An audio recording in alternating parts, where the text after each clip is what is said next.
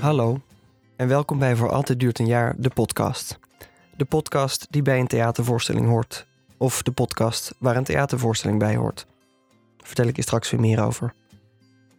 Ik ben Simon Heijmans en ik ben op onderzoek gegaan in liefdesland. Want aan de ene kant zoeken we de eeuwige liefde en zullen we voor altijd bij elkaar blijven. Maar aan de andere kant hoor ik meer en meer over open relaties. Vreemdgaan lijkt steeds normaler. En als de eerste verliefdheid voorbij is, zoeken we alweer naar een nieuwe partner. Er is geen steriele ruimte en de variabelen zijn zelden gelijk. Dus voor altijd duurt een jaar is een onderzoek zonder enige wetenschappelijke waarde. Maar met een groot hart. Om de stand van de liefde op te nemen, praat ik in deze podcast met liefdesexperts. Dat zijn hele gewone mensen, net als jij en ik, die de liefde op een bijzondere manier hebben vormgegeven. Ik laat je hun verhalen horen. Misschien heb je er wat aan en dan mag jij het weer op je eigen manier doen.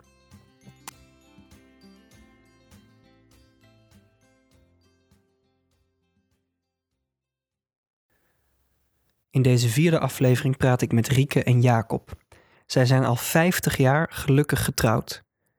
Maar dat ze elkaar ontmoeten, dat is al wat langer geleden. Uh, dat was op de HBS.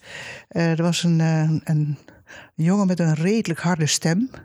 Maar die, zag, die deed altijd ontzettend energiek. En hij wist eigenlijk best wel veel. Ik had eigenlijk best wel veel bewondering voor hem. Maar ja, hij was domineeszoontje. Een beetje ver weg allemaal. Maar die stem. Ja, dus derde klas HBS of zoiets. Zij fietste altijd bij ons huis langs op weg naar school. En dat vond ik toch een verdomd leuk vrouwke daar. Minstens twaalf jaar later was ik op een studentenfeestje en ik hoor een stem achter mij. En ik had hem al jaren niet gezien. En verdomd zeg. Ik kijk om. Ik dat is Jaap's stem. En ik kijk om en hij is het. Ja, toen hebben we me aangesproken. Want toen, uh, dat, dat, moet je natuurlijk weten. Dat is natuurlijk hartstikke leuk. Dat is een enorm verrassingseffect. We hebben gezellig uh, met elkaar gepraat. En ik geloof dat ik tegen hem zei dat ik van plan was om naar Delft te komen, geloof ik. Nou, hij zegt, dan zullen we elkaar nog wel eens zien. Ja, reken maar.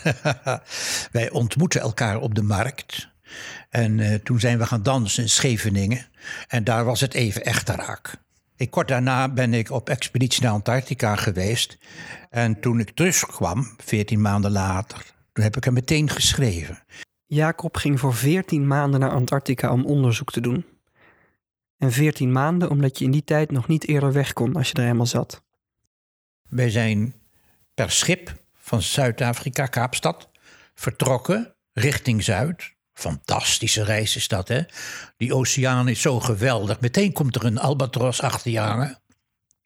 En dan ga je door de roaring 40s, de squeezing 50s en de holing 60s. Allemaal stormen.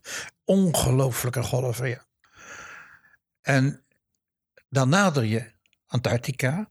Dus je komt een keer vast te zitten. Dat wil zeggen, het schip valt stil te midden van ijs. Er was een helikopter aan boord. En we hadden een kraaiennest. En dat ijsbrekertje, dan schoof er dan doorheen. En dan kom je dus bij de shelf, een grote muur van ijs in Antarctica. En 20 kilometer van het randje af hebben we dus een basis gebouwd. Zeg maar een, een, grote aannemersketen. En die stuift onder het sneeuw. En dan zit vervolgens de deur in het dak met het trapje eruit. Ja. Het uh, volgende schip, dat kan niet meer door de bevroren zee heen. En dat kan pas dus weer in het volgende voorjaar. En in, de, in die tijd was vliegen in Antarctica technisch nog niet mogelijk. En toen Jacob terugkwam, was Rieke weer niet in Nederland. Ik ben bij haar, bij haar moeder op bezoek gegaan. En die zei, ze zit in Parijs. En toen zei hij, oh, mag ik dan uh, naar haar toe gaan? Nou, zegt mijn moeder, dat is prima. Dat en dat is haar adres. En uh, toen, toen schreef Rieke terugkomen met de Pinksteren. Dus Pinksteren 1966 was het echt raar. Nou, toen is die in zijn deusje vootje naar uh, Parijs getuft. Naar de verrassing toe, ja. ja. Wij ontmoeten elkaar in een Bouillabaisse restaurant tegenover mijn flat. En uh, wij waren daar. En we hebben daar zitten tortelen, zeg. Niet te geloven. En zelfs de baas van de tent heeft ons een extra fles wijn aangeboden. Nou, dat hebben wij in dankbaarheid opgedronken. En we zijn toen uh, al tortelend maar naar een hotelkamer gegaan. Geheel tegen de principes, ja. Ja, maar wel leuk. Ik had mezelf een half jaar gegeven om niet hals over kop, maar achter iets aan te lopen. Maar dacht van, dat moet ik eens even goed bij mezelf laten. Want ik wil geen teleurstelling in mijn leven. Uh. Kijk, het is gewoon de stroom van het leven geweest. En die hebben we bij de handen aangegrepen. Verder heb ik geen moment geaarzeld. Rieke en Jacob werden verliefd. En ook over het huwelijksaanzoek heeft Jacob niet lang getwijfeld. Wij waren met vrienden op reis. En wij kampeerden in een klein sheltertje op de Pushta. En daar heb ik haar gevraagd. Wij wilden gewoon graag trouwen. En, uh, en het was ook wel tijd ook. En uh, nou, we wilden gewoon een gezin. Gewoon lekker. Lekker tortelen en dan uh, koeren en dan met kindertjes. Heerlijk. Mm. Dat klinkt inderdaad heerlijk. Maar ik ben natuurlijk ook benieuwd naar het geheim van Rieke en Jacob. Hoe hebben ze het al 50 jaar volgehouden? Bleef het zo geweldig? En als dat niet zo was, hoe gingen ze daar dan mee om? Laten we zeggen, die eerste jaren waren er überhaupt geen moeilijkheden. Ja, dat was gewoon. Ja, je, je bent gewoon ontzettend uh, blij dat je kinderen kan krijgen. En dat je ze krijgt ook. En dat ze gezond zijn. En prima, prima, prima. Ja, er is natuurlijk enige logistiek nodig. En enig geld. Maar verdomd, dat had ik, want in een jaar aan Antarctica geef je niks uit. Dat scheelt een stuk. De enige ellende is dat, ja, dat, dat er dus de ouders uh, kwamen te overlijden. Dat was een beetje een droevige toestand. Maar daarin, uh, ja, god, daarin hebben we gewoon elkaar ook gewoon gesteund. Bedoel, dat, dat gaat vanzelf eigenlijk. Ja, je weet natuurlijk, ja, als je zo meer dan zeven jaar getrouwd bent, ja, dan komen er wel eens, zo hier en daar komt er dan een scheurtje of zo. Maar als je reëel bent, en of je dat nou kan verklaren of niet. Je wilt toch ontzettend graag bij elkaar blijven. Je wilt niet dat, dat wat je aan, aan het op, uh, opgebouwd hebt, dat, dat je dat nou maar zomaar in een puinhoop achterlaat. Je denkt van nou, misschien moet ik maar iets ook aan mezelf doen om met die relatie uh, verder te kunnen. Als, het, als je het af en toe, dan zit je soms een beetje met jezelf in de kloop het beste is om elkaar dan gewoon even te laten. En niet altijd te gaan zitten poeren. Als er echt iets is, komt die, komen ze, kom je vanzelf wel voor de, de draad met de dingen.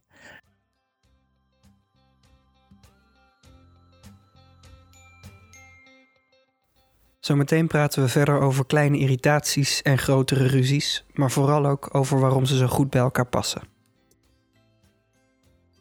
Maar eerst wil ik je weer even vertellen over de voorstelling met dezelfde titel als deze podcast. Als je al vaker naar de podcast hebt geluisterd, weet je dat de voorstelling gaat over Erik en Pim die elkaar ontmoeten en vanaf dat moment afspreken een jaar bij elkaar te blijven. Maar die voorstelling gaat ook zorgen voor een verandering in deze podcast. We gaan een transitie in met z'n allen en daar ga ik je wat over vertellen. Ik ga namelijk tijdens de voorstelling aan de hand van het verhaal van Erik en Pim in gesprek met mijn publiek over de liefde. De mensen met de mooiste verhalen ga ik vragen om met mij een kleedkamersessie te doen. En daarin neem ik hun verhaal weer op in de podcast. Dus voor volgende week heb ik nog een interview klaarstaan. En daarna weet ik nog niet wat voor verhalen er komen. Ik hoop dat je blijft luisteren en dat je naar de voorstelling komt kijken. Ik speel vanaf 10 januari tot 24 februari door het land. Dus kijk op www.simonheimans.com voor de speellijst. Yes, terug naar Rieke en Jacob. Er was wel enige irritatie in dit leven. Ja. Het eigenlijke feit alleen maar uh, dat ik misschien alles netjes opgeruimd wil hebben. En dat ik dus met iemand zit die het zo graag achter zich laat liggen. Ze vond dat ik mijn zaken niet opruimde. Dat soort van dingen. Ja, een volwassen jongenskamer niet opruimen. Ja, ja. Maar ik heb gemerkt bij andere vrouwen dat het precies hetzelfde is. De kastdeuren staan open, de laden blijven openstaan, de onderbroeken liggen ergens. Nou ja, als je er langskomt, dan neem je het maar weer mee. Ik ruim alles op, alleen een uur later nadat jij het al gedaan hebt. Dat soort huishoudelijke irritaties. Ik zit al een tijdje bij Jacob en Rieke op de bank en ik krijg de indruk dat het echt ontzettend gezellig is met die twee. Een conflict hier in huis kan volgens mij nooit lang duren. Ik vraag ze wat daar de truc voor is. naarmate je ouder wordt, begin je ook om je heen te kijken. En begin je ook te zeggen van, ja, luister eens even. Ehm, kijk, ik stel, zal niet onder stoelen of banken steken... dat er hier af en toe ook wel eens het een en ander knalt. En dat zeg ik ook gewoon. Want het is het eerlijkste om dat te doen. Maar op de een of andere manier... ja, kom je in, in je diepste gevoel toch bij diezelfde persoon uit... En het is altijd een heerlijk om te merken dat daar eigenlijk dat grote steunpunt zit. Ik accepteer dat dingen knallen. Het is gewoon zo. Je, dan moet je toch ook lucht geven aan je gemoed. En dan, uh, Jacob wil nog wel eens zo mokken en zo en over nadenken. Dan word ik eraan verantwoording geroepen. En dan zegt hij, komt hij allemaal keurig van, ja, dit en dat en dat en dat en zus en zo. En dat heb je zus en dat gezegd. En dan denk ik, verrek, ik weet er helemaal niets meer van. Niets. Ik weet het verrek. Heb ik dat gezegd? Nou, dat weet ik echt niet meer hoor. Ach, als je eens een keer bij jezelf gaat zitten, dan moet je het ook een beetje met humor bekijken. In de eerste plaats moet je proberen om ook kritisch naar jezelf te kijken. Voordat je dat bij een ander doet. Dat is een gouden tip. Maar genoeg over die conflicten. Ik wil weten waarom Jacob en Rieke zo'n gouden duo zijn. We genieten heel erg van dezelfde dingen. We houden allebei heel erg veel van muziek. Daar kunnen we ook over praten. Ze zijn ook altijd uh, eigenlijk op dezelfde dingen geëmotioneerd. Uh, de kunst vinden we fijn. Uh, literatuur. Uh, nou, we hebben ook vaak dezelfde mening over uh, de politieke gebeuren. Dus daar hoeven we niet zoveel over uh, te vertellen of te bakkeleien. Nou, uitdaging, hmm, dat is wel punt op één. Mijn ding, dat vind ik heerlijk. Hoe meer er uitgedaagd kan worden, hoe liever het mee is. Ehm, ja, en, en humor. Hè? Je moet niet alles zo serieus nemen. Behalve de serieuze dingen. Die moet je ook serieus nemen. En Anders blijft, wordt het leven zo ontzettend kleurloos. Jacob geeft me heel veel ruimte. En uh, als ik stevig vastgehouden moet worden, dan doet hij dat. En dat voelt hij vanzelf aan, dan hoef ik niet eens te vragen. En uh, nee, hij is gewoon een goede steun. En als ik het niet meer weet, dan heeft hij toch wel prachtige suggesties. En hij blijft kritisch. En uh, dat vind ik ook fijn. Mag ook wel eens een keer goed op mijn nummer gezet worden. Dat, daar word ik alleen maar groter van. Je kunt het positief draaien. Van uh, we hebben het toch te fijn samen. Je kunt het ook negatief draaien en zeggen van je hebt de guts niet toe natuurlijk. Dat kan je ook zeggen. Daar zit ook een element van waarheid. Ja, dat moet je gewoon niet onderschatten. Je moet ook niet jaloers zijn. Als hij iemand van uh, als hij een vriendin van mij of iemand anders gewoon aantrekkelijk of aardig vindt of daar charmant tegen doet, uh, dan moet je, moet je niet jaloers worden. Dan moet je eigenlijk zeggen: God, ik ben best trots op die man hoor. Dat hij, uh, dat hij zo aardig is tegen een vriendin of tegen iemand van mijn geslacht. Ja, ontrouw zijn. Als je nou, als je nou een beetje een sociaal gevoel hebt, dan ben je die ander toch aan het belazeren dat kan toch geen prettig gevoel zijn? Dus uit eigen belang ben ik gewoon, blijf ik gewoon trouw. Puur eigen belang. Ja, dit is luisteren zin. Waarom gaat de, dag, de zon elke dag op en gaat hij weer onder? Het is, het is dat soort van wetmatigheid. En dan komen we bij een andere, niet afwendbare wetmatigheid. Laten we even wel zijn. Uh, wat natuurlijk nadert is een afscheid van de dood. Dat, is natuurlijk, dat hangt boven ons hoofd op de, onze leeftijd. Het dringt zich aan je op natuurlijk. Hè?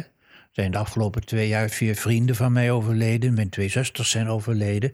Dus het, ligt wat dat betreft in de buurt. En die laten ook partners na. Ja, dat wordt een hele toestand. Een hele toestand, laten we daar even... Ik zou niet weten. Ik zou niet weten. Nee. Nee. Nee, dat lijkt me heel erg moeilijk. Dat lijkt me heel erg moeilijk. Sommige mensen gaan er op een hele bijzondere manier mee om. Dat is inspirerend. En het is ook inspirerend in die zin dat je, dat je zegt van ja, maar luister eens even. We hebben zoveel, zo'n lange geschiedenis achter ons. We hebben nog, nog zo'n korte toekomst voor ons.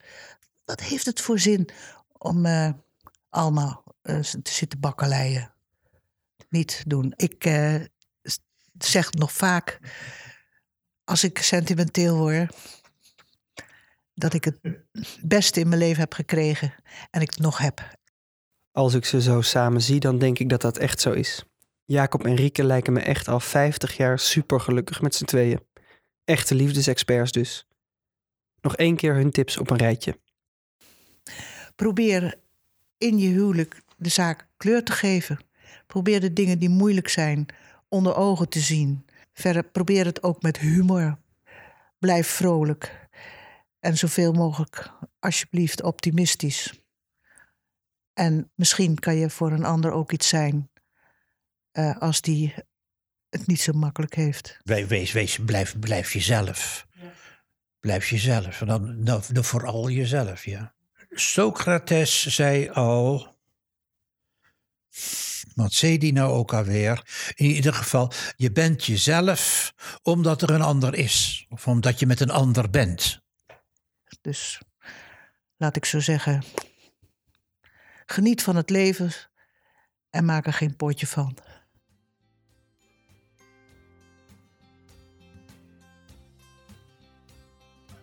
En daarmee komen we aan het einde van de vierde aflevering van Voor Altijd Duurt een Jaar, de podcast. Volgende week praat ik met Mariette. Zij is psychotherapeut en heeft vaak koppels in haar spreekkamer zitten. Ik bevraag haar vanuit haar professionele invalshoek over de liefde. Ik trap wat open deuren met haar in, ik leg het dodelijkste liefdesadvies aan haar voor en we kraken wat one-liners. Dus luister volgende week weer. En tot die tijd, check de speellijst van de voorstelling op www.simonheimans.com Kom naar de voorstelling en wie weet zit je ook nog in de kleedkamersessie. Dag!